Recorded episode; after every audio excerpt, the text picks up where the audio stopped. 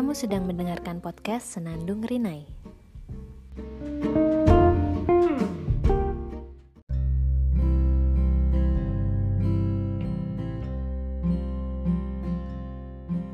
Hai, selamat datang di Senandung Rinai.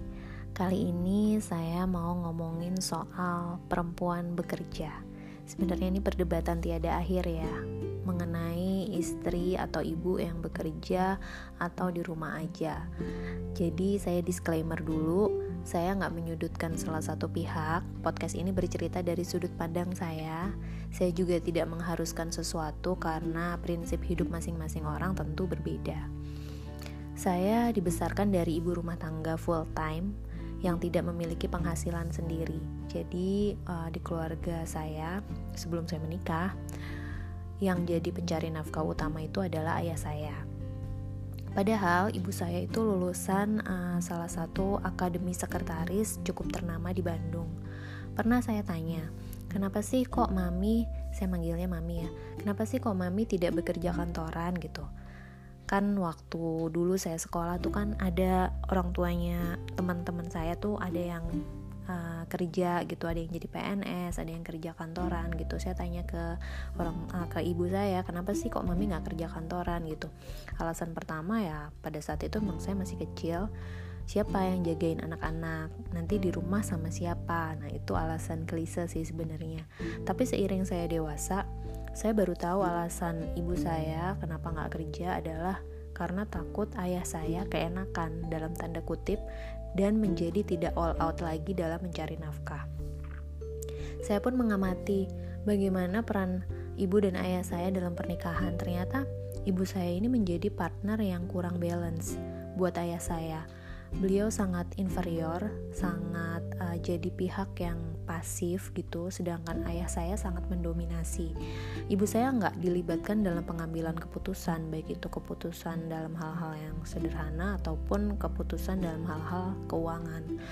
Uh, ibu saya menjadi pihak yang selalu mengalah karena ayah saya sangat dominan. Nah, itu balik lagi ke memang pilihan ibu saya seperti itu. Jadi mungkin memang uh, ibu saya udah siap dengan resikonya gitu ya. Uh, tentu saja semua pernikahan itu berbeda. Nggak semua pernikahan itu berjalan seperti kondisi kedua orang tua saya. Bisa juga uh, perannya berbeda tapi saling menghargai pengambilan keputusan yang dilakukan bersama uh, setara meskipun perannya berbeda. Nah uh, setelah itu saya pun jadi mikir kenapa fenomena pasangan bercerai itu zaman dulu sama zaman sekarang itu banyakan zaman sekarang gitu.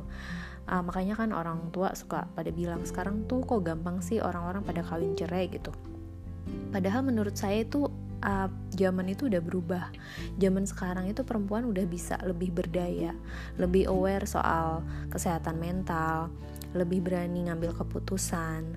Kalau zaman dulu kan biar kata misalnya suami selingkuh, KDRT, yang penting status itu tetap menikah karena status menikah itu tuh prestis gitu. Karena cenderung menganggap uh, kalau udah bercerai itu uh, adalah suatu aib atau tabu. Terus mikirin anak-anak juga kan zaman dulu. Nanti kalau anak misalnya cerai terus anak-anak gimana gitu. Padahal kan anak yang bahagia juga lahir dari orang tua yang bahagia gitu. Terus mikirin juga nafkahnya gimana uh, kalau misalnya cerai uh, sedangkan zaman dulu kan biasanya uh, suami doang nih yang kerja gitu. Mau makan apa nih kalau suami nggak ada? Kayak gitu. Hal-hal kayak gitu kan sudah mengalami pergeseran gitu. Ya bukan berarti ketika perempuan berdaya lalu cenderung jadi melawan kodrat. No nggak nggak sama sekali. Tapi ketika perempuan mandiri dia tahu apa yang dia mau dia bisa mengaktualisasikan dirinya. Laki-laki yang baik dan punya pola pikir yang terbuka pun pasti akan mendukung bukan malah insecure atau ngehalang-halangin gitu Nah, karena saya tumbuh dalam keluarga yang seperti itu, akhirnya saya tumbuh dengan mindset bahwa perempuan itu harus bekerja, baik sudah menikah ataupun uh, misalnya udah jadi ibu. Itu perempuan harus bisa berdikari, berdiri di kaki sendiri, harus bisa mandiri, harus bisa punya penghasilan sendiri. Uh, sehingga dalam pernikahan itu bisa menjadi partner yang seimbang bagi suami. Nggak harus kejar uh, kerja kantoran tapi asal bisa memiliki penghasilan sendiri. Sehingga kalau suami kenapa-napa kayak misal suaminya hilaf terus belok gitu atau dipanggil Tuhan duluan kita sudah punya bekal at least untuk menghidupi diri kita sendiri. Nah bagi yang udah jadi ibu kan di luar sana banyak perdebatan ya tentang ibu bekerja mau di rumah aja tuh nggak ada habisnya perdebatan kayak gitu. Itu balik lagi ke value masing-masing. Nggak ada yang salah dan benar benar, setiap pilihan pasti ada konsekuensinya. Tapi di pemikiran saya, kenapa sih harus memilih menjadi istri atau wanita karir? Kalau bisa dua-duanya, kenapa enggak gitu? Have a nice day. thank you